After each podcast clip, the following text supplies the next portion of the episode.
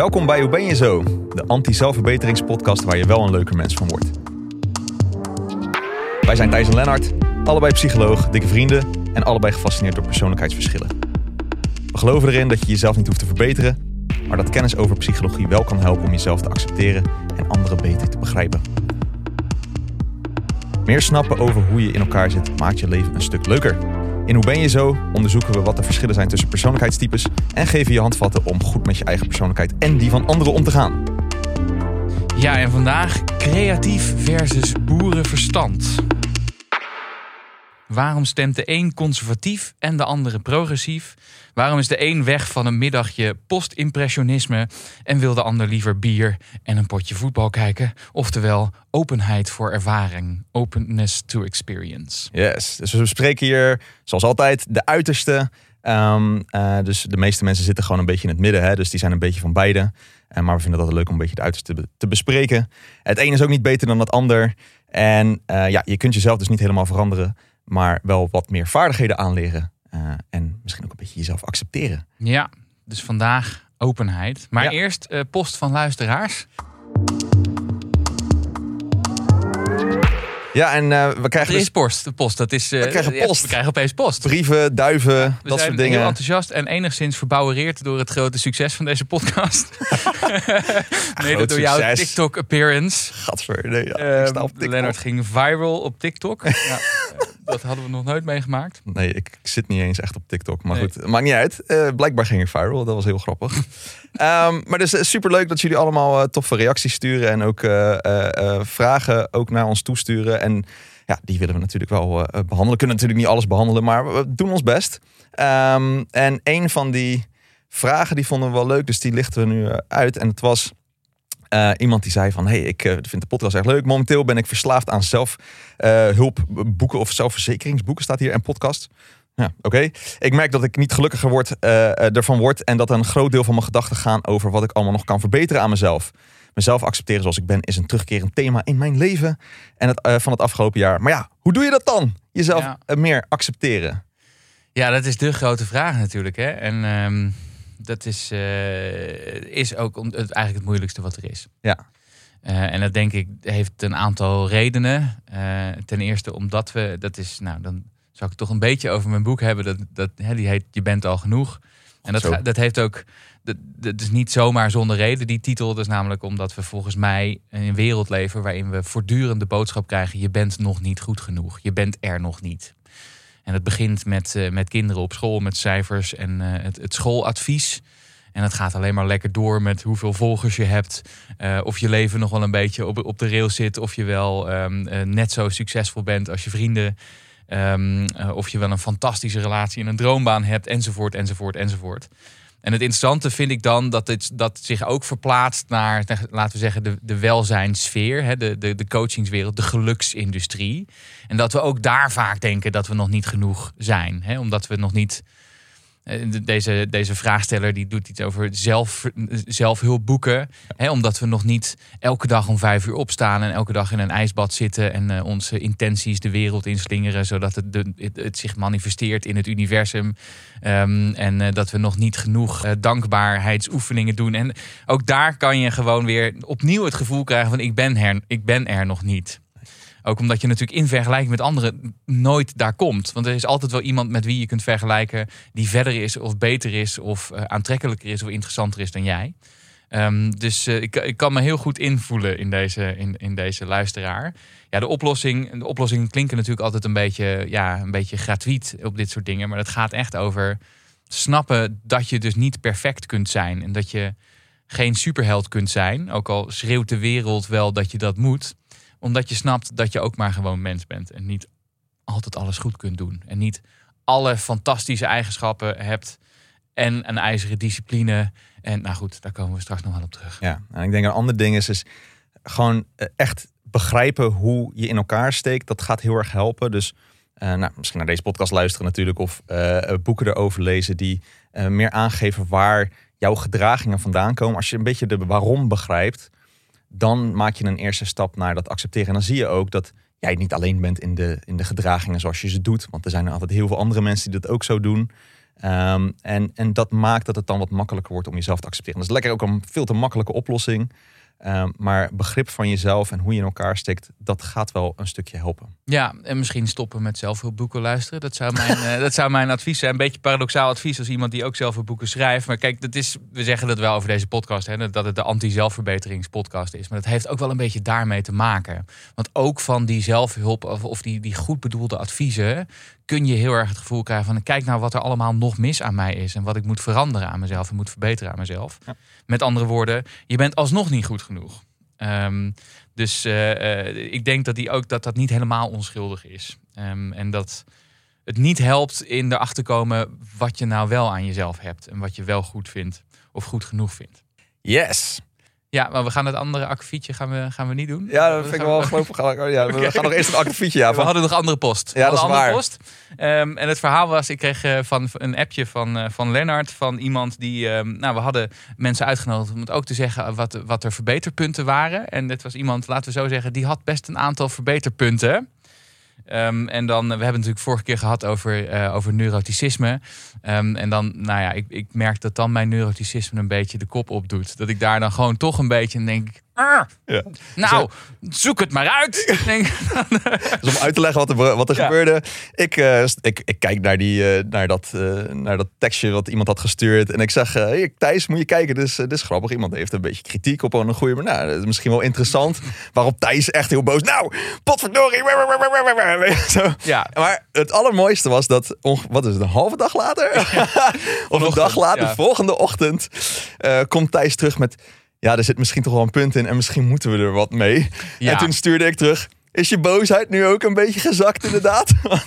ja, precies. Dus dat is, uh, dat is hoe het bij mij werkt. Ik word dan eerst uh, driftig en dan denk ik, nou, ga verdomme zelf een podcast maken als je dat wel zo goed weet. En dan, inderdaad, als ik er een nachtje over geslapen heb, dan, uh, dan, dan denk ik, oh, ja, misschien zit er iets in verwachtingen ook niet heel duidelijk. En misschien moeten we daar wel iets over zeggen. Maar het was, uh, en jij had er helemaal geen last van. Jij vindt het dan nee. grappig volgens mij. Nee, ik vond, ik vond het alleen maar. Ik dacht, nou, goed punt, weet je. Het ging ook over van, nou, moet het misschien deze podcast wat meer wetenschappelijker? Ja. Uh, of, uh, of, of, ja, of niet? Ja, we zullen niet het hele verhaal opschrijven, want daar heb ik lang verhaal. In. En bovendien duurt het lang. Uh, maar dit was wel iemand die, die eigenlijk vraagtekens stelde bij uh, hoe wetenschappelijk is nou wat we vertellen in deze podcast. En dat ik dacht, misschien is dat ook nog wel goed om nog even te benadrukken. Um, want we hebben deze podcast natuurlijk. Een expliciet doel van deze podcast is op een leuke manier deze kennis aanreiken. Uh, omdat wij denken dat het kennis is die iedereen zou moeten weten. Um, en het gaat, vertrekt wel degelijk uit wetenschappelijk onderzoek. Uh, en, en, behoorlijk wat wetenschappelijke data. Uh, die, die data kun je ook allemaal vinden. Want die heeft Lennart uh, tot nu toe in ieder geval elke keer heel braaf huiswerk goed in de gedaan. show notes gezet. Um, en waarvoor ik je erg erkentelijk ben, Lennart. Maar daar kunnen mensen dus zelf de, de ruwe data vinden. Um, wij doen in deze podcast wel ons best om vanuit die data, um, he, dus dat ook nog terug te zien in het echte leven, daar anekdotes over te vertellen en het op een goede en leuke manier uit te leggen. Beetje luchtig maken. Ook, ja, precies. Dus er zit inderdaad wat, wat, wat anekdotisch, uh, dus heeft een wat anekdotisch karakter. Maar het vertrekpunt is wel wat we weten over hoe persoonlijkheid werkt. Mooi gezegd. Ja. Dus keep them coming, die kritiek. Vooral naar Lennart. um, openness to experience. openness voor, openheid voor ervaring. Um, ja, ik moest denken aan um, een, een, ervaring die ik ooit had met, uh, met Linde, mijn, uh, mijn vriendin. en we waren op een soort heel vaag, uh, abstract theaterfestival. En daar gebeurden allemaal uh, gekke, gekke kunstdingen. En dan had je ook een soort rij. En dan kon je dan een soort experience kon je daar doen. Oeh. Dus dan moest je eerst in de rij staan. En niemand wist wat dat was. Want het onderdeel was dat ook niemand kon vertellen dan daarna wat dat was geweest. Dus wij we stonden in die rij. Waarom ga je in zo'n rij staan? Nou goed, dat is de vraag waar we, waar we het vandaag over hebben. Um, wij worden zo een dingetje ingeleid. Daar, daar, krijgen we de opdracht om een soort pak aan te trekken. Um, en dan gaat er op een gegeven moment, hè, dus is een soort heel raar kostuum. En op een gegeven moment gaat er een gordijn open. En wij blijken op een theatervloer volle, voor een volle zaal mensen te staan. dat is de experience. En dan krijgen we een soort van uh, instructies over wat we moeten doen. We moeten een raar dansje doen of zo. Dus, en dan uh, daarna, als je dat dan hebt gedaan en iedereen heeft daar om een beetje kunnen lachen en kunnen wijzen. En uh, dan, dan mag je daarna in de zaal zelf zitten voor de volgende groep. Dan kan je die weer uitlachen. kan je die weer uitlachen. Hmm. Ja, maar ik dacht, ik moest denken toen we het aan het voorbereiden waren over openness to experience. Dit, daar, daar gaat dit ook wel deels over. Hè? Ga je dit soort ervaringen opzoeken? Of denk je, ik ga nog liever dood? Dat is volgens mij het verschil tussen openheid en geslotenheid in dit geval, toch? Maar goed, jij wist niet dat je dat ging doen. Dus, maar hoe vond je het uiteindelijk? Ja, achteraf vond ik dat best leuk. Ik vond het best een beetje ongemakkelijk. Maar ik had niet zoiets van, oh, ik moet nu door de grond zakken. En ik snapte ook wel dat, die dat dat ongemak onderdeel was van de ervaring die ze wilden creëren. Um, maar uh, nou goed, ik dacht wel, dit, dit doe je dus alleen op het moment dat je een beetje hoog scoort op deze persoonlijkheidseigenschap. Ja. Daar gaat het eigenlijk ja, ja. Ik denk dus dat je extra versie hebt, heeft ook misschien wel een beetje geholpen. En een beetje laag neuroticisme. Enigszins waar je soms boos kan worden, maar hier word je dan niet boos om. Maar toch, toch ook openness, uh, openness to Zeker. experience, openheid voor ervaring. Misschien moeten we die even, even goed kaderen. Dus je hebt enerzijds open voor ervaring en anderzijds... Gesloten. Gesloten. Ja, gesloten, weer gesloten mensen. Dus die het openheid voor ervaring, hè, dus openheid, even om het af te korten, anders gaan we de openheid voor ervaring zeggen, is dus niet zozeer dat je open bent naar anderen om je kwetsbaar op te stellen. Het is niet dat je een open boek bent. Nee. Dat je heel veel vertelt over jezelf. Daar gaat dat, het dat zit meer bij extraversie. Hè, dit gaat meer over dat je open staat om nieuwe ervaringen op te doen en dat je dat soort dingen leuk vindt. Nou, je kan een onderscheid maken in twee facetten, want al die dingen hebben een soort van twee subfacetten. En dat, de ene is intellect. En dan moet je bedenken aan dat het gaat over dat je abstracte ideeën leuk vindt. Um, en dat je houdt van tegenstrijdige informatie en dat je dat leuk vindt om daar lekker in te duiken. En dan heb je aan de andere kant, dat noemen ze dan alsnog gewoon weer openness. Dus om het heel lekker vaag te maken, hebben wij niet bedacht. Maar goed, uh, en dat, dat zijn mensen die het kunst interessant vinden, schoonheid belangrijk vinden, uh, uh, creativiteit. Die zijn ook vaak misschien wat creatiever. Uh, dat soort dingen. Dus zo heb je die twee subfacetten en samen is dat dan open. Dus je bent gewoon, om te zeggen, nou, wat is dan open? Uh, je bent nieuwsgieriger. Hè? Dus dat gaat over je nieuwsgierig over nieuw eten of vakantiebestemming of kunst of dingen doen. Hè? Je, je bent avontuurlijk ook in dat opzicht. Je bent geïnteresseerd dus ook in die abstracte ideeën. Je vindt het leuk om lekker te filosoferen met je matties. Ja. Um, nou, dat vinden Thijs en ik bijvoorbeeld erg leuk. Um, en uh, je kan ook die ideeën goed verwoorden. Zeker wanneer je ook nog eens hoog scoort op extraversie. Je hebt groot vocabulaire. Um, je bent ook een beetje anti-autoritair, misschien wel. Um, dus je houdt niet zo van autoriteiten en dictators. Nou, wie houdt daar sowieso van? Maar goed, nee, daar hou ik niet van. die je vertellen hoe jij dingen moet doen en wat je moet denken, daar zul je een, een redelijke aversie tegen hebben. Yes, yes. Um, je houdt van, van afwisseling en uh, je past je daar ook makkelijk uh, en snel op aan. Dus je vindt juist die afwisseling ook leuk. Je houdt van verandering. Um, je bent creatief. Je, je kan dus uh, nieuwe dingen bedenken vanuit allemaal verschillende soorten informatie. En vindt dat leuk om over nieuwe dingen na te denken. Um, en je staat dus open voor verschillende mensen.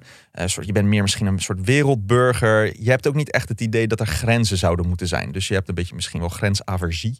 Dus dat je een beetje tegen grenzen bent. Uh, en de snelle progressieve gedachten en ideeën. En daar zit dus ook een beetje politieke voorkeur in. En daar gaan we het ook zo over hebben. Mm. Um, en deze mensen specialiseren zich minder snel. Dus iets meer generalist. Um, uh, en dat is dan ook wel eens moeilijk om je eigen identiteit, identiteit mee te vormen. Um, en je kan ook ergens gemakkelijk in uh, opgaan. Absorptie noemen we dat dan. Bij een hele hoge openness. En nog eens, en als laatste puntje voor openness. Anders is het wel een hele lange lijst. Mm -hmm. Het is een hele lange lijst. uh, maar je kan ook nog eens beter dromen onthouden en terughalen. Dus er is ook onderzoek gedaan, dus zelfs naar dromen. Dat is wel interesting. Oké. Okay. En aan de andere kant, hè, dan ben je meer aan de gesloten kant. Dan ben je graag gewoon de nuchtere in gezelschap. Hè, en hou je graag je beide benen op de grond. Um, doe je liever niet al te gek. Um, weet je gewoon graag waar je aan toe bent. Um, deel je graag je leven in op een manier waarin veel herhaling zit en routine zit. Uh, nou ja, hou je het gewoon voornamelijk bij, bij wat je weet. En ben je ook wat pragmatischer. En heb je misschien ook wat minder met al dat zweverige gedoe.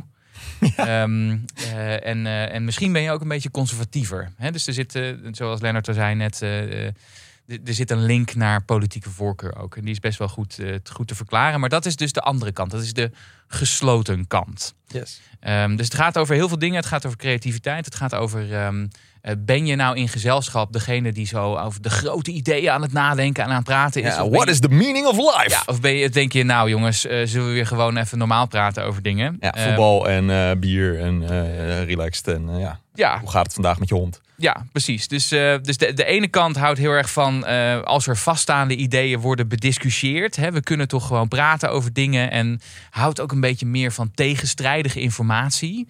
Vind je het prettig om bijvoorbeeld naar abstracte kunst te kijken die je manier van kijken naar de wereld op de schop zet? Hou je van abstract theater dat je anders laat denken over dingen? Of denk je nou, ik weet liever waar ik aan toe ben, uh, vage doe, doe maar liever niet. Um, dat. Dat dus, ja. Ja. Um, ja. Nou ja, wat ook wel interessant is bij, uh, bij die openness, hè, dus dat um, uh, mensen die dus ook heel erg open scoren, daar zit ook wel een relatie met dat je op een gegeven moment misschien wel gaat geloven in paranormale gebeurtenissen. Ja. Ja, dus je kan, je kan misschien, hè, dus, dat is nog een open vraag denk ik, maar je kunt te open zijn. Dat kan ook een nadeel zijn. Dat je dermate open staat voor nieuwe ideeën dat je misschien werkelijk overal in gelooft. Of in hele vreemde en uh, misschien een beetje maatschappijvreemde ideeën gaat geloven. Zeg. Kan zelfs gevaarlijk zijn. Uh, je, had, je had iets gedeeld van het nieuws. Oh ja, ja, ja. ik moest denken aan uh, een voorbeeld van uh, te. Um, een voorbeeld van te open, te hoog scoren op openheid. Ik was ooit een keer op een heel vaag krakersfeestje. Ik weet ook niet waarom ik daar terecht kwam, maar ik was daar terecht in. het, was, ook heel suf. Het was in Oude Kerk aan de Amstel of zo. Een heel rock'n'roll plek, maar dat was een soort. Um, ja, wat was het nou? Het was een soort opening van het, van het nieuwe jaar. Een soort lentefeest of zo. Nou, er was een feest met, met speakers en dat soort dingen. En er waren ook een paar mensen, en ik wist niet dat ze echt bestonden, maar blijkbaar bestaan ze echt. Um, mensen die um, uh, het idee hadden dat ze, die ook flink aan het idee aan het verkondigen waren, dat ze op alleen lucht konden leven. En dat is een bepaalde okay. hele vreemde stroming. Ik denk ook dat dat. Alleen lucht. Alleen lucht. Zuurstof. En, en zuurstof. Ja, dus die, be die beweerden dat ze waren gestopt met eten. En dat al uh, maanden deden. Uh, en dus alleen leeft, dat je alleen kan leven op zuurstof en op licht en op lucht.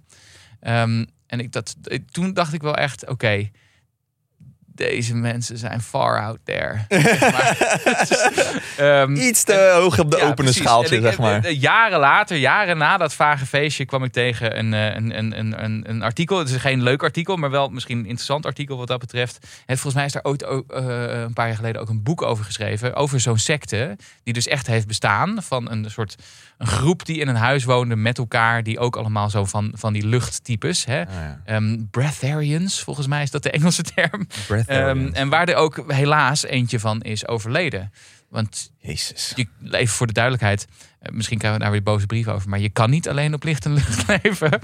um, Wetenschappelijk open je ook bent. uh, dus uh, dus een, een van die mensen is helaas ook overleden. Wow. Ja, dus nou goed, wow. het is een voorbeeld van hoe je ook te open kan zijn, zou ik zeggen. Juist. Dus een beetje balans altijd wel fijn. Ja. Um, evolutionair gezien trouwens hè, is ook dat je hè, die al, nogmaals al die big five factoren en alles in de persoonlijkheid komt ook vanuit die evolutie voort. Uh, je hebt natuurlijk mensen nodig die open zijn, die willen ontdekken. Als je even teruggaat naar de, onze uh, jager-verzamelaar, vroegere voorvaders. Mm -hmm. Dan heb je mensen nodig die, nou, we gaan nieuwe plekken ontdekken, want het begint hier een beetje armzalig te worden qua eten.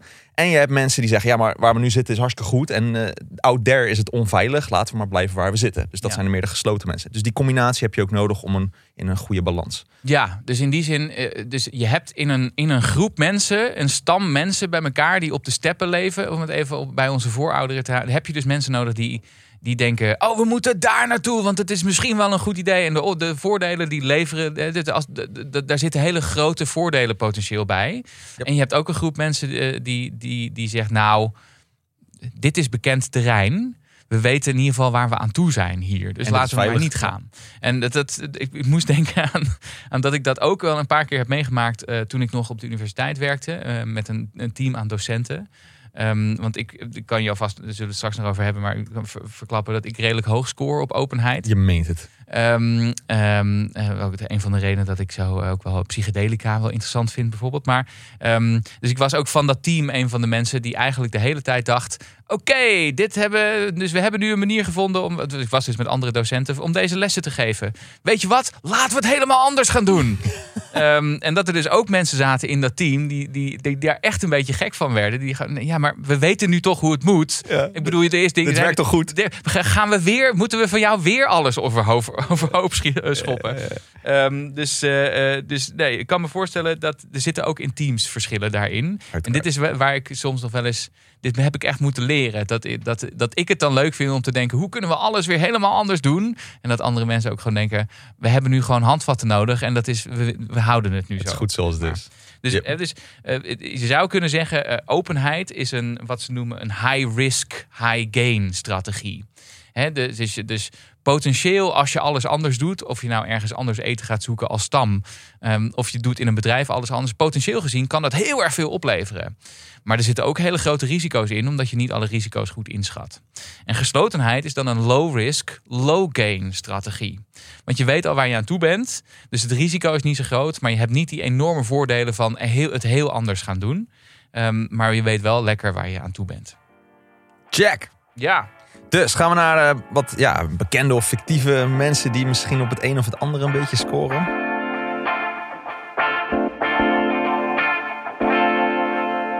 Ja. Uh, even denken hoor, bij open, uh, open mensen, open to experience. Ja, ik moest denken aan, uh, aan Alice in Wonderland. En ik, ik, ik weet niet of het nou, in ieder geval ergens in het boek van Lewis Carroll, sowieso een boek dat, dat getuigt van enige openheid. Hè, de man, dat kan je wel zeggen, ja. Het is interessant om nog eens te lezen, maar er zit een scène in en volgens mij is het dan Alice die zegt... Um, ja, hoezo kun je niet in onmogelijke dingen geloven? Ik geloof in zes onmogelijke dingen voor het ontbijt.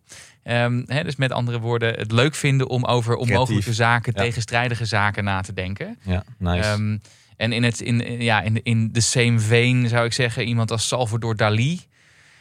Die met die mooie snor. Die met die mooie snor en het surrealisme en uh, uh, smeltende uh, klokken en zo in zijn kunst. um, er, de, ja, de, de, ook weer hier is de link met iets als psychedelica. Hè, op zoek gaan naar je innerlijke ervaring en je fantasie gebruiken is natuurlijk ook... die snel gelegd die link. Ja, um, en we hebben het al eerder gehad over de, de psychotherapeut C.G. Jung, hè, Carl Gustav Jung. maar ook iemand als Sigmund Freud, als we het toch een beetje op ons vakgebied houden. Um, dat soort types. Ja, dus een beetje de artiesten, op zich de acteurs ook. Ja. Jim Carrey vind ik altijd ook uh, als acteur echt zo'n hele open. Die is helemaal, die heeft helemaal het licht gezien. En een hele interessante vent. En Lady Gaga vind ik ook wel zo iemand die in mijn oog optiek heel erg open overkomt. Uh, nieuwe ervaringen, nieuwe kledingstijlen proberen en dat soort dingen heel creatief zijn. Uh, ja, dat soort mensen. Maar bijvoorbeeld misschien ook wel Bear Grylls. Zo'n avontuurlijk type die ook gewoon... Ik weet, weet je niet wie Bear Grylls is? Ik weet niet wie dat, dat is. die gast die zijn eigen... geen vonk was. Dus, oh, sorry, ik ben gewoon een beetje... Zo van die avonturen mensen, weet je wel. Die drinkt zijn eigen urine, zeg maar, als die uh, geen water meer kan vinden in de jungle of whatever.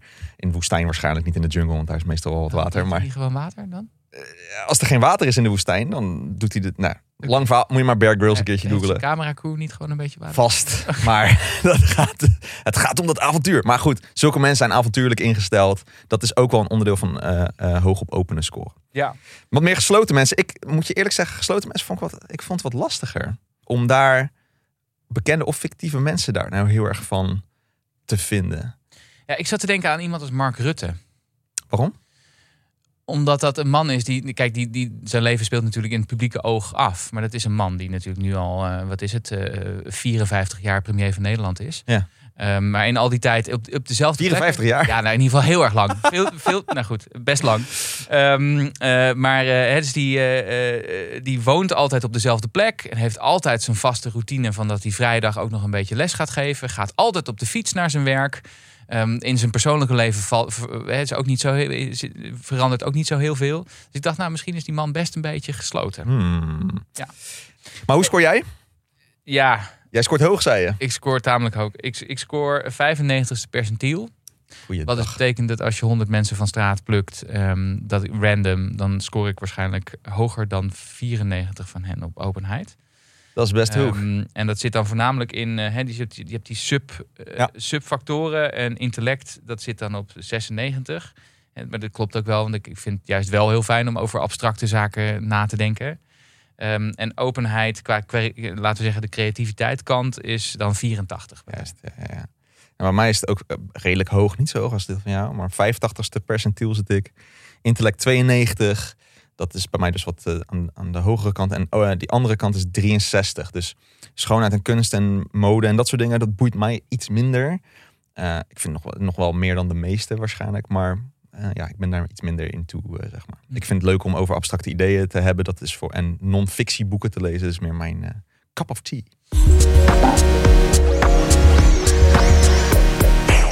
Schieten op mythen. Ja, de mythes over, uh, over openheid voor ervaring. Um, we hebben er een paar. Uh, ten eerste, die, die wil ik dan jou voorleggen. Uh, mensen die hoog scoren op openheid zijn alleen maar hippies en artsy-fartsy types. nou ja, ik denk dat op zich hippies en artsy-fartsy types waarschijnlijk wel hoog scoren op openness. Maar dat betekent natuurlijk niet dat als je hoog scoort op openness, dat je dat dan ook daadwerkelijk bent. En ik denk dat je moet ook bedenken dat uh, wetenschappers, filosofen, die scoren ook hoog op openness. Ja. Uh, dus uh, ja, eigenlijk een beetje, toch nog, misschien wel een beetje starre types zelfs. Maar die wel leuk vinden om over abstracte ideeën na te denken. En hè, hun constructen en wetenschap en statistiek. Ja, nou, dat, dat soort dus, mensen. dus je moet inderdaad die, die hippie kant moet je er wel bij denken. Maar niet alle mensen die heel hoog scoren op openheid zijn bezig met het universal consciousness. En daar onderdeel van uitmaken. zo. Nope. Goed. De wereld is beter als we allemaal open zijn. Ja, ja, wat we een beetje de John Lennon utopie kunnen noemen. Hè? Imagine. Oh. Imagine all the people. Uh, imagine there's no countries, et cetera. En iedereen heeft, is maar open voor alles. Ja, ik denk dat dat niet per se klopt. Want je hebt dus ook, hebben we eerder gezegd, de types nodig die zeggen... nou, oké, het is niet perfect zoals we het nu allemaal gedaan hebben. Maar we hebben wel een manier en het is best oké. Het gaat best oké. We hoeven niet alles weer helemaal opnieuw om te gooien. we hoeven niet alles opnieuw te bedenken. Laten we gewoon doorbouwen op wat we nu hebben. En het ook een beetje houden bij hoe we het nu doen. Dus er zijn dus ook wel voordelen aan een beetje conservatieve types.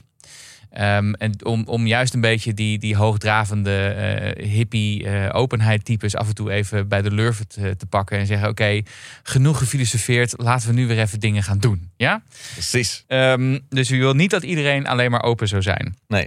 Uh, creatieve mensen, nog een, een mythe: creatieve mensen krijgen niets voor elkaar.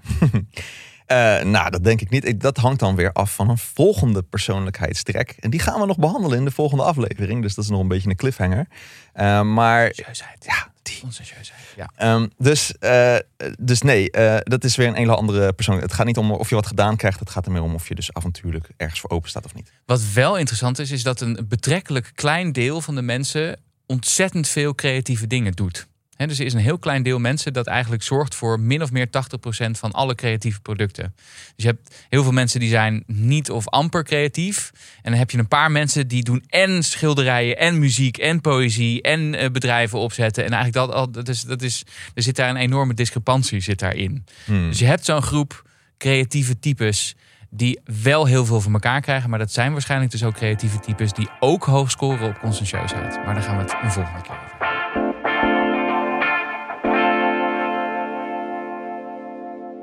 Goed, er is een, eh, een link nog naar um, politiek. Naar deze specifieke persoonlijkheidstrek en politieke voorkeur. Ja, en dat is wel interessant. Hoe zit dat? Ja, er is heel veel wetenschappelijk onderzoek gedaan naar openness en wat het inderdaad doet voor stemgedrag. Ook omdat natuurlijk politici misschien wel willen weten wie er natuurlijk op hun gaat stemmen. En wat blijkt is dat je heel erg uh, hoog op openness scoort. Dat kan je al een beetje aanvoelen komen. Uh, is dat je dan wat meer de progressieve kant op stemt. Want ja, je, je wil nieuwe dingen, je wil verandering, je wil hè, dat er dingen uh, gaan gebeuren. En dan ga je dus progressief stemmen. Letterlijk ook hè, grenzen open, zoveel mogelijk uh, vermenging van wereldburgerschap. Culturen, wereldburgerschap. Um, dus die kant. En, die, en de andere kant, de gesloten kant, is dan meer. Die trekt meer naar het conservatieve toe. Ja. En misschien een ja, heel praktisch wat hoe dat is uitgebuit, ook deze, deze, mm. uh, deze kennis. Uh, misschien ken je nog wel Cambridge Analytica, dat bedrijf wat uh, verschillende, ja, in verschillende politieke scenario's heeft geholpen om de conservatieve kant een beetje te ondersteunen. Denk aan Brexit misschien of Trump. Uh, in ieder geval, hè, dat is een beetje wat eruit kwam met dat Cambridge Analytica. Ja, dus die hebben juist specifiek getarget op mensen die dan wel hoog, dan wel laag op openheid scoorden. Ja om een bepaalde boodschap aan te brengen. dus, dus, laten we zeggen over Brexit, laten we het daarop houden. Dus aan de gesloten mensen. Ja, je moet wel nu echt zorgen van ja, eh, de, de, de, het Verenigd Koninkrijk moet wel het Verenigd Koninkrijk blijven. Zeg maar, ja, We moeten het wel bij onze eigen tradities houden. Zeg maar dat. Hè? klopt. En zo kun je dan ook heel specifiek deze persoonlijkheidstrek eh, inzetten om mensen te manipuleren. Ja, en dat is dus behoorlijk veel gedaan, vooral op Facebook. Uh, ook omdat uit Facebook ze dus eigenlijk uh, op een of andere manier ook de big five karakteristieken van mensen uit hun profiel wisten te trekken. Dus ze konden zien, ah, die scoort dus wat lager op openness, die is meer gesloten. Nou, dan voeden we hem nu met allemaal uh, ja, enge beelden over dat uh, de grenzen straks allemaal open gaan en er van alles gebeurt. Nee, dat moeten we niet willen. Dus Brexit. Nou, en zo hebben ze daar misschien wel een kleine bijdrage aan geleverd. Ja, ja, ja en je ziet dus eigenlijk dit eigenlijk ook veel terug in maatschappelijke discussies die gaan over moeten we het nou bij tradities houden of moeten we dingen veranderen. En dat zag je een aantal jaar geleden heel duidelijk bij de Zwarte Piet discussie. Dan had je de mensen die voor verandering waren en de traditionalisten, zeg maar.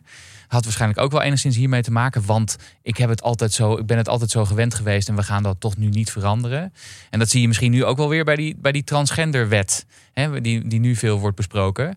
Waarschijnlijk de, de progressievere types die zeggen veel makkelijker van ja, nee, natuurlijk verander je gewoon in je paspoort heel makkelijk eh, van het een naar het ander.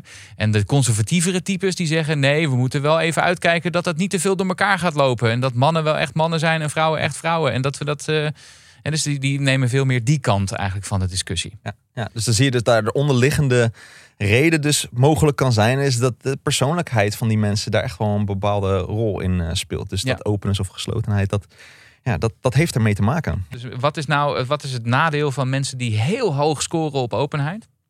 Nou ja, dus dat je vatbaar kan zijn voor dingen als uh, schizofrenie. Uh, hè, dus dat je bepaalde waanbeelden kan gaan krijgen. Of dat je dus in dingen gaat geloven die er mogelijk helemaal niet zijn.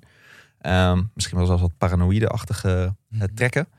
Um, en, en, en ja, nou ja, je hebt het net al genoemd met geloven dat je, dat je op lucht kan leven. Nou, dat soort die richtingen is inderdaad wel enigszins gevaarlijk.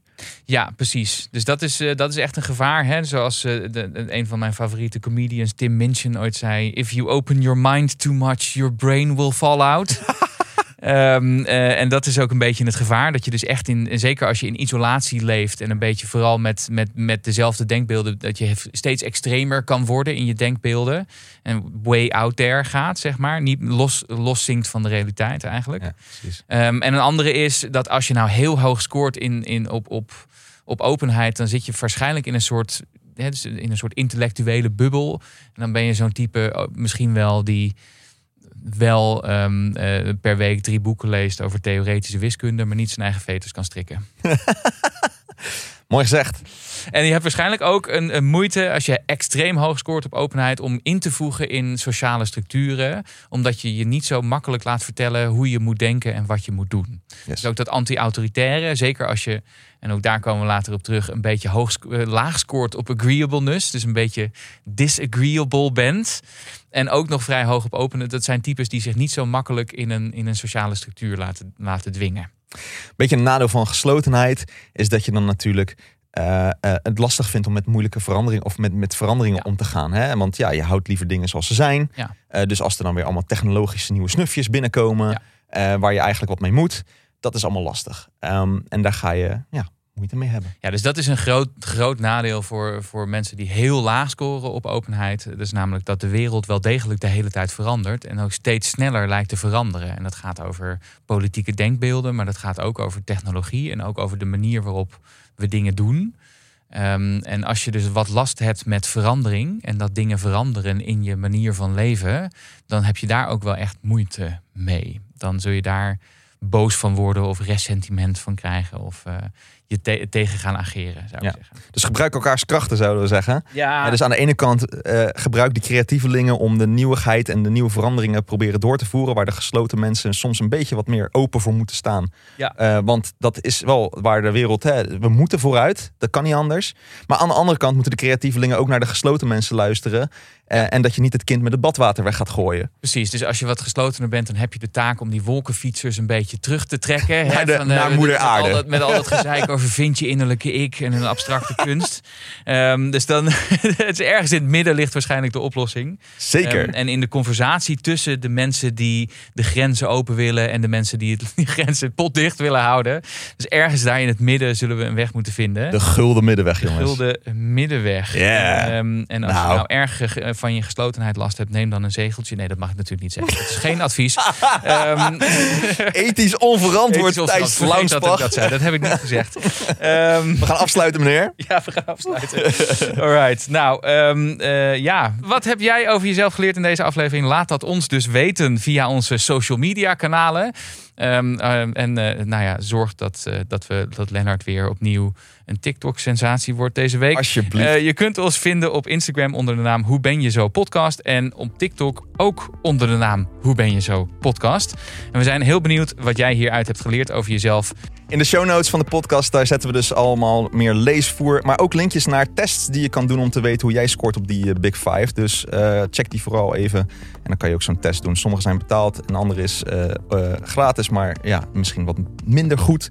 Ja, Ehm, we vinden het ook leuk als je als je, je abonneert op Spotify, dan wel Apple of hoe die, al die dingen heten. Ehm, en wat leuks achterlaat, dat vinden we altijd heel tof. Raten. Ehm, ehm, eh, raad hem vooral ook aan aan je extreem open, dan wel extreem gesloten familieleden. Maar onthoud vooral, je hoeft jezelf niet te verbeteren. En dat geldt voor mensen die heel open zijn en heel gesloten zijn. Een leuker leven begint wel bij meer begrip en acceptatie. En het idee opgeven dat je anders moet zijn dan je bent. Dat geldt voor trippende hippies en